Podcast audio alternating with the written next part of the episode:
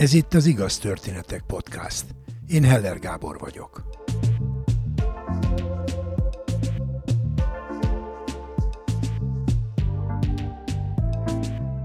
A mai két történet pályakezdő művészekről szól.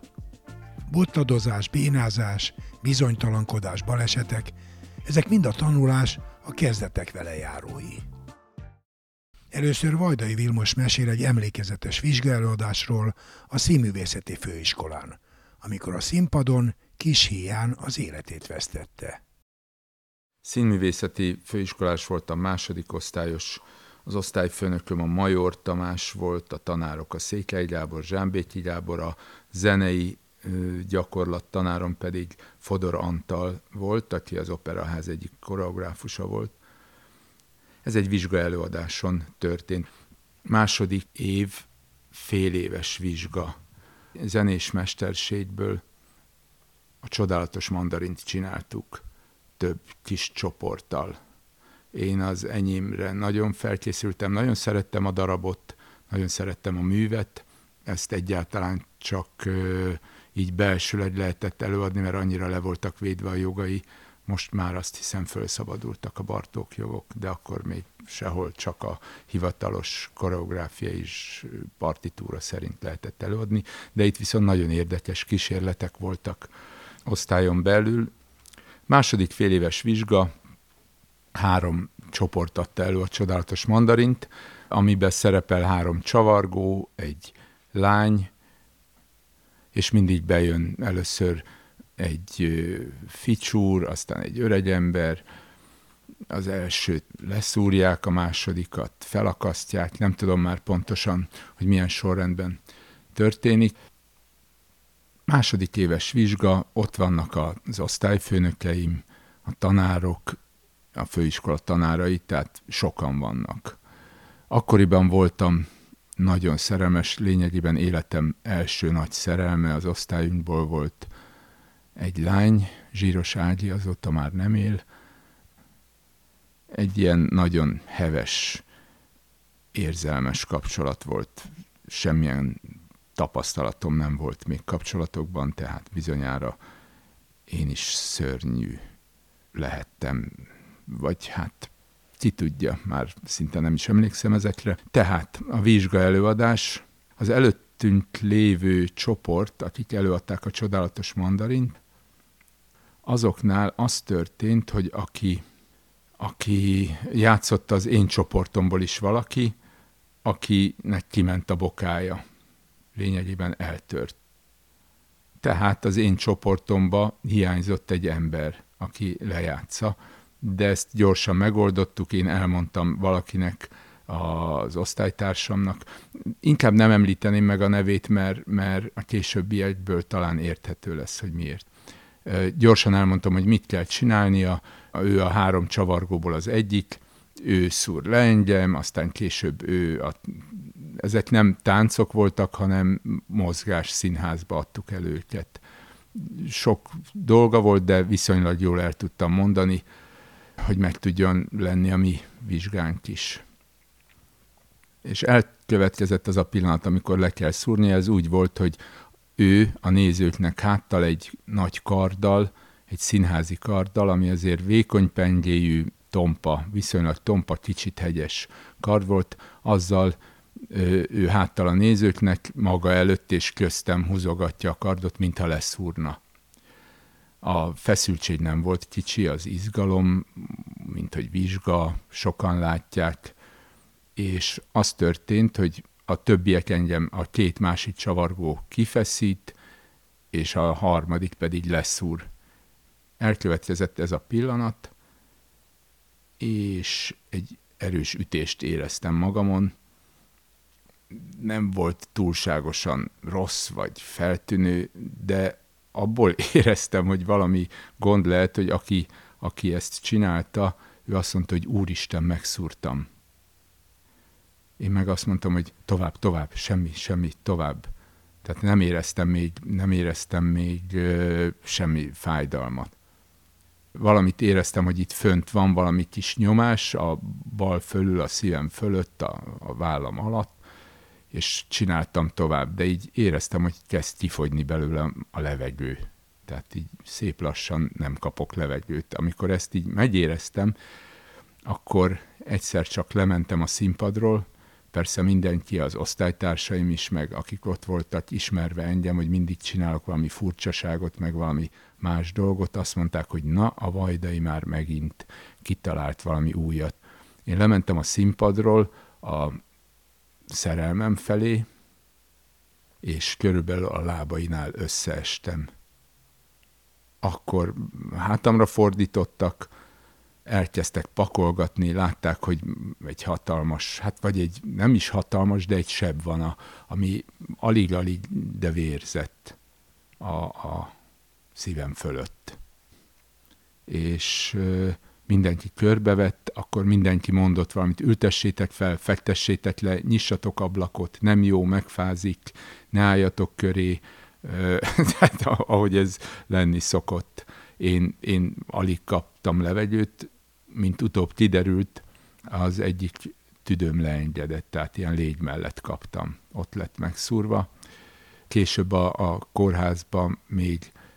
világos lett, hogy e, egy fő ütőeremtől egy milliméterre történt ez a dolog. Akkor fölpakoltak, jött a, a, a tanárom, a Fodoranti, ő lerohant a lépcsőn, a közben kificamította a bokáját, mert elesett, hogy mentőt hívjon. A tanárom fölöttem a Major Tamás pihegyett, már nem volt fiatal, talán ő volt még rosszul rajtam kívül. Itt igazán nem is két ember a Major megyén voltunk bajban, hanem egy ember volt nagyon bajban, aki összeomlott, az osztálytársam, aki egyik legjobb barátom volt akkor, aki beugrott és leszúrt, az a lengyel Feri mert hogy az tényleg belegondol az ember, az sokkal nagyobb súly, hogy leszúrtam a barátomat, órákig nem tudta, hogy mi van velem, mi fog velem történni, meghalok-e. Később ezt a kardot, amivel leszúrtak, meg is kaptam az egyetemtől, úgyhogy otthon őrzöm, egy négy centire hatolt belém a kard, igazán nagy ütés kellett, és egy tompa karddal, tehát az így szépen kifeszültem, ő meg, ő meg a beugró izgalmával rendesen belém döfte. Jött a mentő, épp akkor jött ki ez a Rákóczi úton az Uránia mozi épületében volt, nem tudom, hogy most van-e még az egyetem, akkor még főiskola, akkor jött ki a mozi közönsége, aki azonnal az eseményre oda körbevett, alig bírtak elvinni a, a mentősök, de én közben azt éreztem, hogy hős vagyok. Valahogy középpontba kerültem, valami különös dolog történt velem, szóval volt egy ilyen hősi érzetem, ami aztán a mentőben, mikor már egyre jobban fogyott a levegőm, csökkent, és úgy éreztem, hogy meg fogok halni amit tulajdonképpen azt gondoltam, hogy nem rossz halál, így színpadon, közönség előtt hősi halált halni, igazi méltó halál egy, egy színművészeti főiskolásnak. Bevittek a kórházba, akkor megcsapoltak hátul, a, a, rákötöttek egy gépre, körülbelül három hétig voltam benne, néha a Major Tamás meglátogatott, adott 500 forintot, hogy költsem a nővérekre, és ez úgy el is kísért jó pár évig. Engem ez a történet, erről voltam híres. Jobb lett volna persze, ha arról vagyok híres, hogy mennyire jó színész vagyok, ezzel egy csomó vizsgaelőadásom, amiben én voltam a főbb, főbb szereplő, meg nagyon jól sikerült előadások, azok elmaradtak, soha ilyen jó vizsgám nem lett aztán később, tehát valamennyire kárpótolt, hogy ezáltal ismerős lettem. Ez, mindez odáig tartott, amíg a Gál Filacit a Víg Színházban le nem szúrták hasonló körülmények között, ami egy kicsit törölte az én történetemet.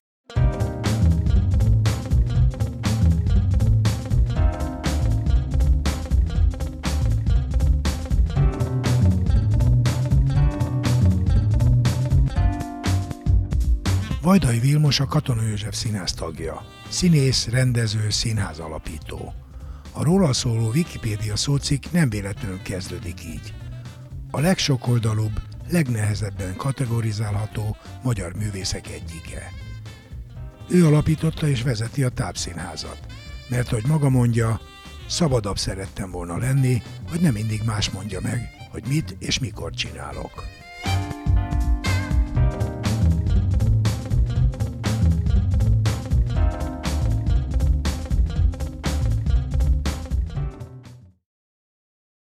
A 80-as évek elején egy kezdő balettáncos mestere tanácsára levelet ír a világ leghíresebb koreográfusának, Maurice Bézsárnak. Kovács Tibor nem igazán számított válaszra, mert hát miért is érdekelni egy ilyen nagyszerű művészt, a sokak által csodált ikont, egy fiatal táncos kérése a vasfüggöny mögül. Ő volt aztán a legjobban meglepve, amikor Maurice Bézsár meghívta magához Brüsszelbe. Friss diplomásként az operaházba kerültem, és az első időszakban nagyon fontos volt nekem, hogy hogy szólistává váljak, ezt minél hamarabb el tudjam érni. Ennek egyik lehetősége volt az,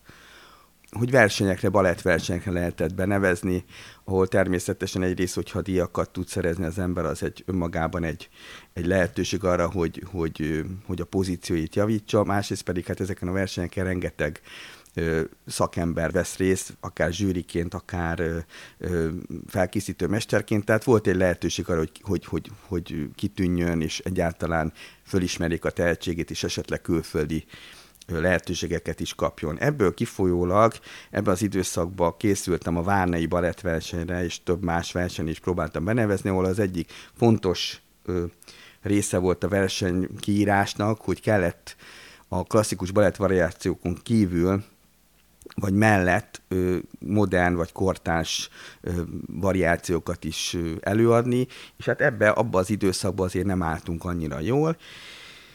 és hát azon gondolkoztunk, hogy mi lehetne olyan, olyan mű, vagy olyan alkotónak a darabja, vagy részlete, amit, amit ezekre el tudnék vinni. És sokat beszélgettem abban az időben Fodorantal, nagyon híres koreográfusunkkal, nem régen, sajnos nem régen elvesztettük, akivel én elég jóban voltam, és ő tanácsolta azt, hogy hát miért nem, Tibi, egy nagyon érdekes mondatot mondott, hát Tibi, miért nem próbálod meg a Bezsárnak az egyik darabját elkérni a Bezsártól, és azt eltáncolni. És akkor ezen úgy, úgy hát persze jót rögtem, mert hát a Moritz Bezsár ebben az időszakban hát a világ egyik legkelendőbb koreográfusa, az ő társulata a legtöbbet utazó együttesek közé tartozott, egy igazán meghatározó személyisége volt a táncakmának, egy tényleg elérhetetlen, tehát ikon, tehát tényleg olyan, mint hogyha most a Steven Spielberghez mennék, hogy segítsen nekem bármiben is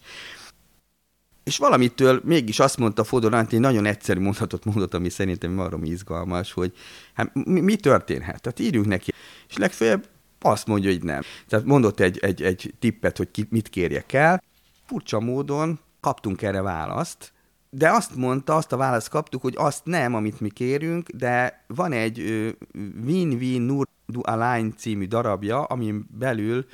van egy Unzo Weiter, ugye egy Straussra készült kis variációja, és ezt ő nagyon szívesen esetleg odadja, de ez, ennek egyetlen egy lehetőség, hogy ezt odadja, hogy nekem ki kell menni Brüsszelbe, ahol akkor a Bezsár Társulat dolgozott egy gyönyörű hangárban, és be kell tanulnom, és ha betanultam, és ő úgy gondolja, hogy kellő magas színvonalon tudom ezt előadni, és hitelesen, és az ő, ő mondjam, igényének megfelelően, akkor, akkor utána eldönt, hogy odadja eltáncoltam vagy sem.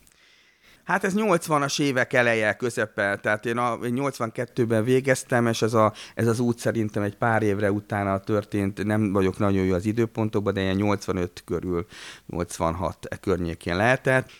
Nagyon nem beszéltem angolul, én nem régen jöttem haza, ugye előtte a Moszkvába végeztem ösztöndíjasként, tehát az oroszom erős volt, angolom nem nagyon, és elindultam erre a, erre a csodálatos kihívásra, vagy útra, amiben hát rengeteg kérdőjel volt, hogy egyáltalán hogy fog ez lezajlani. Megérkeztem Brüsszelbe a repülővel, és az első meglepetés akkor ért, amikor a csomagomat vártam, mert a csomagom, amiben a balett cuccom is volt, az nem érkezett meg. Tehát ö, sikeresen elvitték ö, Brüsszel helyett Berlinbe a, a csomagomat, és azért lényeges ez, mert azóta soha nem teszem a balett cuccomat abba a podgyászomba, amit föladok. Mert itt megtanultam egy életre, hogy a balett cuccomat mindig magamnál kell tartani, tehát föl kell vinni a repülőre. Mert így most ebben az esetben ugye megérkeztem Brüsszelbe a Bezsárhoz, hogy majd betanuljak egy darabot, de nem volt ruhám, amiben be tudtam volna tanulni, és ugye egy balettáncos életében ez nem olyan egyszerű, mint mindenféle használati balettcipő, dress, póló, és akkor nem beszélek egy, egy szuszpenzor névre hallgató nadrág, vagy bugyi, vagy nem tudom, amit mi hordunk, hogy rendben legyünk az ugrások alatt is minden szempontból. Semmi nem volt nálam. Ehhez képest Brüsszelben három napot vagy négy napot, tehát egy nagyon rövid időt tölthettem csak el, mert az operaházban meg elkész, elkezdődött egy felújítás, egy darab, a Baksi Szerejszökök úgy próbálj, és amiben én kaptam szerepet, tehát ennyi ideig engedtek el az operaházból. Tehát egy rövid időtartamon volt, tehát nem volt nagyon sok esélyem, hogy, hogy ez a probléma megoldódjon. Miután megkérdeztem, hogy mennyi idő alatt tudják idehozni a, a ruhámat Brüsszelbe, azt mondták, hogy hát olyan három nap. Hát mondom, az tök jó, mert há- három nap múlva vissza is kellene repülnöm, cuccom meg nincs. Tehát így indult az érkezésem Brüsszelbe, Utána hát ugye minimál pénzzel taxi, akkor a Bezsár társulatának a, a, a titkárnője segített nekem olcsó szállást szerezni megérkeztem erre az olcsó szállásra, tulajdonképpen majd, hogy nem azt mondom, hogy a, a, a, ami nálam volt pénz, azt a taxis majd, hogy nem elvette, valami minimális pénzem maradt, majd megérkeztem egy ilyen szállodába, látszik, hogy egy ilyen, hát egy szálloda az túlzás, egy ilyen kis motelke volt, korrektnek tűnt ugye nekem az izblokkból egy nyugati motel az mindenképpen egy, egy óriási nagy különbség volt, de mondjuk Moszkva után pláne, de, de nagyon érdekes volt az, hogy persze megérkeztem, ott próbáltam makogni, vagy megkaptam a szobát, tudták, hogy kifoglaltam. Minden lefeküdtem, és az nekem eléggé furcsa volt, hogy a, az egész éjszakén óriási élet volt a motelben, jöttek, mentek az emberek, a mellettem szobában is hát azért egy elég erős aktus zajlott, hogy így mondjam. Tehát, hogy kicsit úgy éreztem, mint hogy egy olyan, olyan szállodában lennék, vagy motelban, azért nem turisták laknak feltétlenül csak, de mindegy, ezt azért végig is nem tudom százszerűen megerősíteni, hogy amit gondolok, az igaz is, de kicsit ez volt az érzésem. És akkor másnap reggel lementem a, a recepcióhoz, és hát kértem, hogy hát ide kéne nekem mennem a Bezsárnak a, a, a próbaterméhez, és hogy segítsen nekem általán, és akkor hát akkor még se GPS, se semmi nem volt, tehát felejtsük el ezt. Előkapott egy nagy térképet, és behúzta egy tolla, hogy hova kéne nekem menni, na akkor elő nulla balett elindultam is, követtem így ezt a térképet, és hát nem egyszerű módon, tehát igyekeztem baromi korán elindulni, mert tudtam, hogy el fogok tévedni, nem lehet elkésni egy ilyen ikontól, és megérkeztem egy ilyen óriási nagy ipari épület elé, és hát fú, hát ott, ott, ott megnyílt alattam a talaj, mert itt voltam egy ikonikus ember, ikonikus, hogy mondjam, alkotói közege előtt, egy épület előtt, és volt egy bazi nagy, dupla nagy, ilyen nagy hangárszerű épületet képzeljünk el, ajtó, és volt mellette egy kis ajtó, nem sokkal odébb, és, és azon gondolok, hogy be volt mindegyik zárva, mondom, hogy hol kell itt bemenni, meg egyáltalán mi, hogy, és akkor persze én Magyarországról érkezve a kis ajtót választottam, mert hát gondoltam, hogy az, az lehet a, a, a, a megoldás, és bementem a kis ajtón, ami konkrétan egy ilyen büfének a hátsó bejárata volt, és ö, ö, ott néztek a, a hölgyek, ott pakolták a kajákat mind, és nézték, hogy mit keresek ott. Tehát tulajdonképpen a, mondhatnám azt is, hogy ez a művész bejáró volt, nekem a művészbejáró volt, mindenki másnak, aki ott dolgozott, ilyen pincérke, vagy nem tudom, aki a büfét üzemeltette, azoknak volt a bejárata, de nagyon helyesek voltak, mert rögtön nevetni kezdtek, hogy mit keresek itt, és hát akkor próbáltam még makulni, hogy Moris Bezsár, Moris Bezsárhoz jött, Moris Bezsár, Veng- Vengriá, mert ugye akkor az orosz ugrott be nekem, hogy Vengriá, és akkor a Hungary az nem annyira ugrott még be, és akkor mondták, hogy jó, jó, üljek ki ide, mert ott ki tudtam rögtön menni, a büfé mellett volt egy kis ajtó, és ott volt ugye a kis rész, ahol az asztalok voltak, ahol a művészek is, akik érkeztek, azok ott kávéztak, és ott ettek, reggeliztek, és onnan mentek aztán be próbálni, meg gyakorolni, meg egyen. És hát ott volt egy másik óriási nagy élmény, hogy rögtön a társulat egyik leghíresebb és a világ egyik leg legnagyobb táncos ikonja George Don ült ott, és kávézott csendesen. Az a George Don, Don aki, akit hát legnagyobb művésze volt a bezsártársulatnak, és, és egy csodálatos bolerót táncolt, és a mai napig meg tudom nézni 5000-szer és akkor ott már nagyon beremegett a lábam, mert hát ott ült egy ilyen fickó, és akkor leültem oda egy székre, és vártam, hogy majd valamikor jön valaki, vagy meglátom bezsárt, vagy nem tudom, vártam. És akkor egy idő után úgy türelmetlen volt, mert féltem, hogy elkések a balettóráról, meg, meg most akkor mit kell csinálni. Nem mentem a George Donhoz, és szintén elkezdtem mondani, hogy hogy hát Moris Bezsár, Moris Bezsár, és akkor mondta a Zsorzson, hogy jó, jó, hogy üljek csak le, majd jön a Moris Bezsár. És akkor leültem, bazi türelmetlen mondtam, mert fél, nem tudtam, hogy mit kell ilyenkor most jól csinálni. És akkor a másik ilyen vicces dolog, ami történt, hogy egyszer csak megjelent a Moritz Bezsárnak a testvére, aki, aki tényleg majdnem úgy nézett ki, én nem, soha nem láttam Moritz Bezsárt élőben, tehát láttam a képeit, filmet, minden, de úgy nézett ki a testvére is, mint ő, és akkor azt hittem, hogy ő az, és akkor fölpattantam, és oda is mondta, hogy nem, nem, nem, nem ő az, és akkor visszaültem. A lényeg az, hogy egyszer csak jött a titkárnő, és akkor ő vele dűlőre jutottunk, és hát mondtam neki, hogy már amennyire tudtam neki mondani, hogy hát a balett cuccom az nincs. És akkor leküldött az öltözőbe, ugye a folyamat az úgy nézett volna ki, hogy megyek egy balettórára, gyakorolok, és utána ö, kijelölik nekem azt a próbavezető balettmestert, aki betanítja ezt a darabot, és akkor én vele dolgozom, és akkor a végén lesz egy megnézés. Ez volt a logika, ez volt a rendszer, amit el volt tervezve. Tehát az első lépés az, hogy nekem gyakorolnom kellett, mert nem tudok próbálni, meg nem tudok táncolni, és akkor lementem az öltözőbe, és egy marha nagy szerencsém volt, hogy volt egy lengyel táncos a társulatban már akkor, aki ugye lengyelként ő értette az oroszt, és ezáltal én rögtön vele barátságba keveredtem, és őt kértem meg segíteni, hogy most itt vagyok nulla cuccal. A táncosok összedobták nekem a, a balettcuccot, tehát balettcipőt, ráadásul nekem egy kis lábam van, 39-es lábam van, tehát nem egyszerű balettcipőt nem találni. Végül is összedobták ezeket a, ezeket a ruhadarabokat, szuszpenzor nálott rezgett a léc egy kicsit, és úgy hogy azt gondoltam, hogy talán ez nem kéne, pláne pont ebben az időszakban volt ez a nagy éces korszak, amikor még nagyon nem lehetett ezzel mit kezdeni, de azt is kaptam. Tehát azt is kaptam, és akkor azt mondtam, hogy hát ha vagy most leszek éces, vagy nem, mert ugye azt is lehetett tudni, hogy azért a, a társulatban nem csak heteroszexuális orientáltságú táncosok voltak, mindegy, de nagyon helyes volt ez a lengyel fiú, és végig segített, és akkor ő fölvitt, vele így tudtam oroszul beszélni, és akkor fölvitt a terembe, hát picit késve érkeztünk a balettórán, ami megint csak azért volt érdekes, mert egy, egy Kubából származó, azt hiszem balettmesternő, vagy nem tudom ki volt, aki tartotta a gyakorlatot, vagy a balettórát, és ő is egy picit úgy értett oroszul. Beálltam gyakorolni szépen, hát egy, a társulatban persze néztek, hogy ki ez a srác, ugye hozzá voltak szokva, hogy vagy próbatáncra jön, esetleg ide akar kerülni, hát persze vizslatták, hogy én engem hova pozícionálnak, mint táncos, én hogy gyakoroltam, és akkor a, a, az egy nagyon érdekes pillanat volt, amikor a, ment a gyakorlat, és egyszer csak így sose felejtem el ezt a pillanatot, így oldalról bekönyökölt a Moris Bezsár egyszer csak így a vége felé a gyakorlatnak, és akkor úgy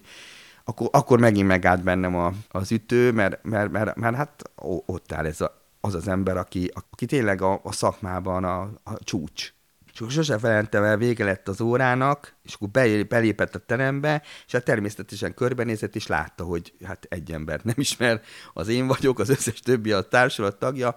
és akkor így előre mentem, és így kezet fogott velem, és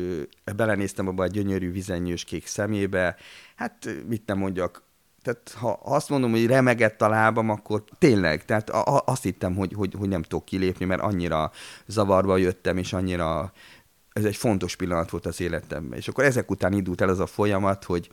mondta, hogy akkor kezdjek el próbálni egy csodálatos betanító balettmestere volt, aki a darabjait általában így asszisztensként betanította, és ő vele két napot eltöltöttem egy, egy külön terembe, ahol ő tulajdonképpen szépen, ezt szépen lassan betanítgatta nekem ezt a variációt, nagyon precízen, tehát csodálatos próbavezető, minden tudott, minden rezdülését, ahogy a Bezsár kívánja a stílust és mindent. Nagyon, tényleg olyan profi betanítás volt, hogy már ott is, az is egy nagyon érdekes folyamat volt. Szépen próbálgattam két napig, és akkor eljött a pillanat, hogy nekem, nekem haza kellett volna már utazni,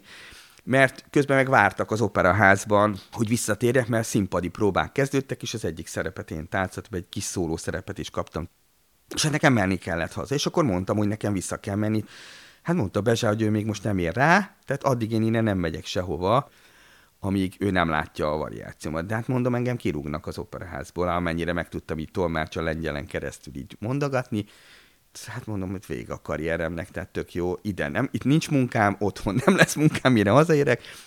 És akkor végül is az történt, hogy én szóltam haza, hogy hát nem fogok tudni menni, és mondták, hogy hát ez kizárt. Nekem próbám van, kikérik maguknak. És tényleg belengedték, hogy ez így nem működik. És maga Moritz Bezsár azt mondta, hogy akkor nagyon akkor ő fölhívja az operázat, és ezt megbeszéli. És akkor maga Moritz Bezsár bejelentkezett az orosz Adélnál, hogy oda telefonált, hogy hát itt van Moritz Bezsár, és hogy nekem még meg kell nézni, és nem enged az, és akkor így maga Moritz Bezsár elintézte, hogy, hogy késettek egy napot, és reményei szerint nem fognak kirúgni. És akkor volt egy olyan próba, amikor a Bezsá próbálta a saját darabját, és akkor adta azt a lehetőséget, hogy akkor most ő megnézze az én teljesítményt, hogy mit tanultam meg, hogy működik ez a variáció. De mindezt úgy tette, mi szintén nagyon izgalmas pillanat volt, hogy próbálta a darabot, majd azt mondta, hogy na, akkor most szünet, mindennek ad 10-15 perc szünetet, mert akkor megnézi a fiatal kollégát, hogy mire jutott ezzel a variációval. Most ezután az történt, hogy a teljes társai körbe leült a, a terem szélére,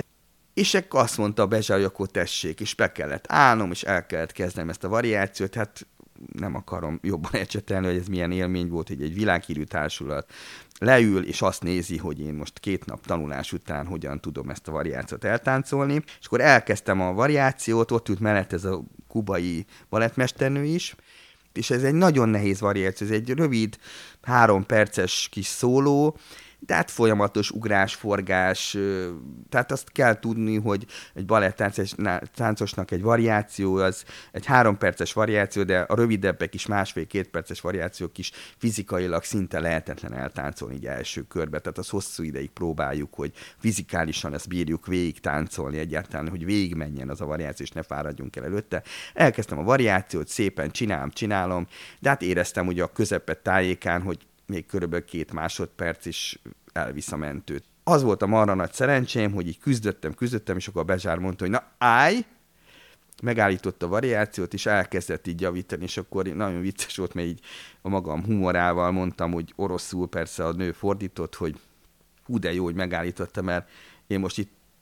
meghaltam volna, tehát köszi szépen, és valami ilyen, ilyen de amúgy nagyon, hogy nem azt mondom, hogy illetne, de túl lezser mondatot eresztette meg, ami furcsa mondom, Bezsár ezt, ezt így, így, így jó néven vette, tehát így, így röhögött ezen, hogy én ennyire őszinte vagyok, egyszerű, az van, ami van, köszi, hogy megállítottad, így talán életben maradok. És akkor utána elkezdett velem próbálni, részletesen, de legalább egy ilyen 30-40 percet. Tehát ez a szünet, ez a 15 percben egy ilyen 30-40 perces próbává vált, ami, ami részletezők, javító, tényleg csodálatos instrukciókat mondott, egyből elkezdett belőlem kiindulni, a testemből, a habitusomból, a karakteremből, már koreografált, már változtatott, hogyha úgy érezte egy picit, tehát nem lényegesen, de mégis hagyta, hogy a, ami nekem jobban áll, inkább úgy előadásmódban is rengeteg olyan instrukciót mondott, ami, ami azt mutatta, hogy ő az emberből a, a, éppen aktuális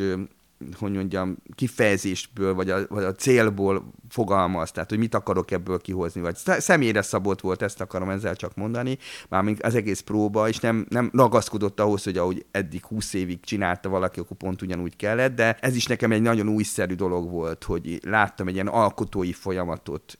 élőben,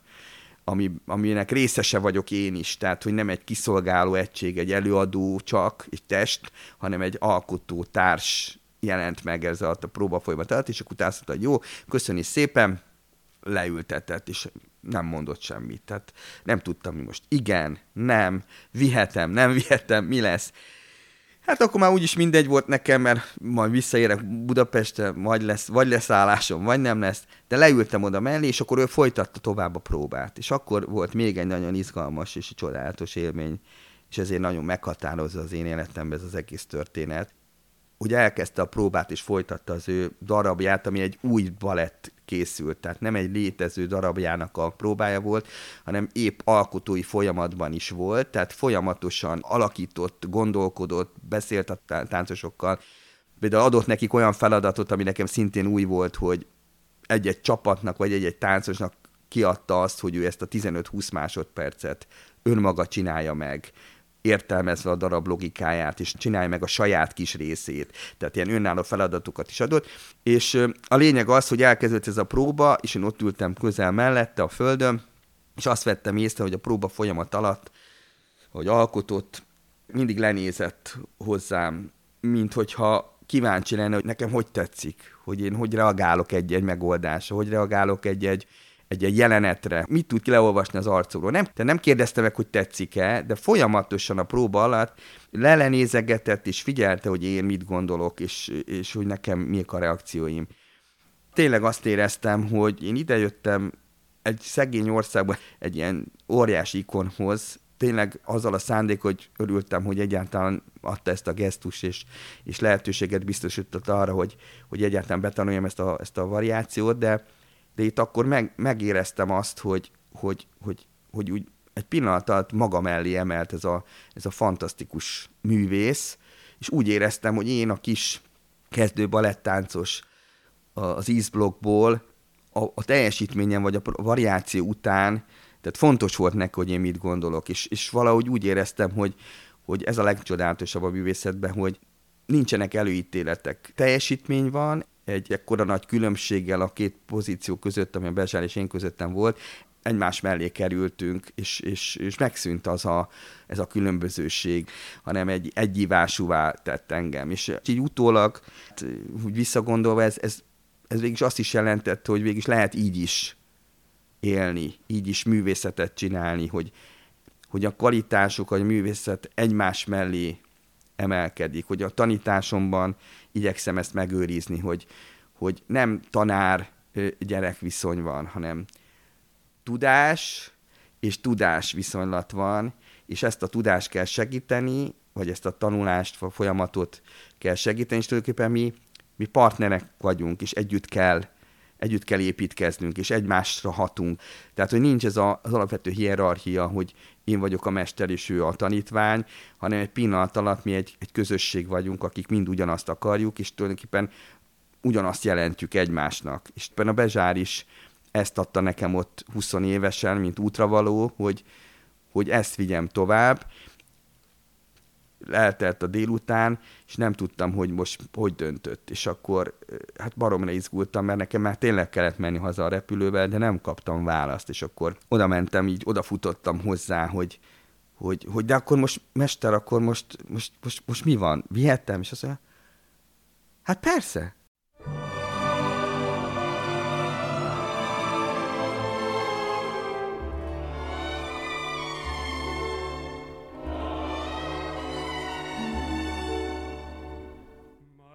Kovács Tibor többszörösen kitüntetett táncművész, koreográfus és balettpedagógus. Virtuóz ugró és forgóképessége révén számtalan klasszikus és modern balettnek volt a főszereplője, több karakterfigura ihletője és egyedülálló megvalósítója. Nem csak balettekben, de musicalekben is szívesen fellépett. Így például a Macskák Párizsi és Czürichi változatában is. Művészetét világszerte csodálták Párizstól Tokióig, Moszkvától Berlinig. Tibor hosszú éveken át a Budapest Kortárstánc főiskolának volt a balettmestere. Amit hallunk, az részlet abból a történetben említett zenedarabból, amihez Bézsár készített koreográfiát.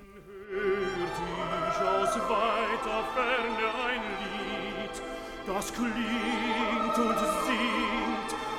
das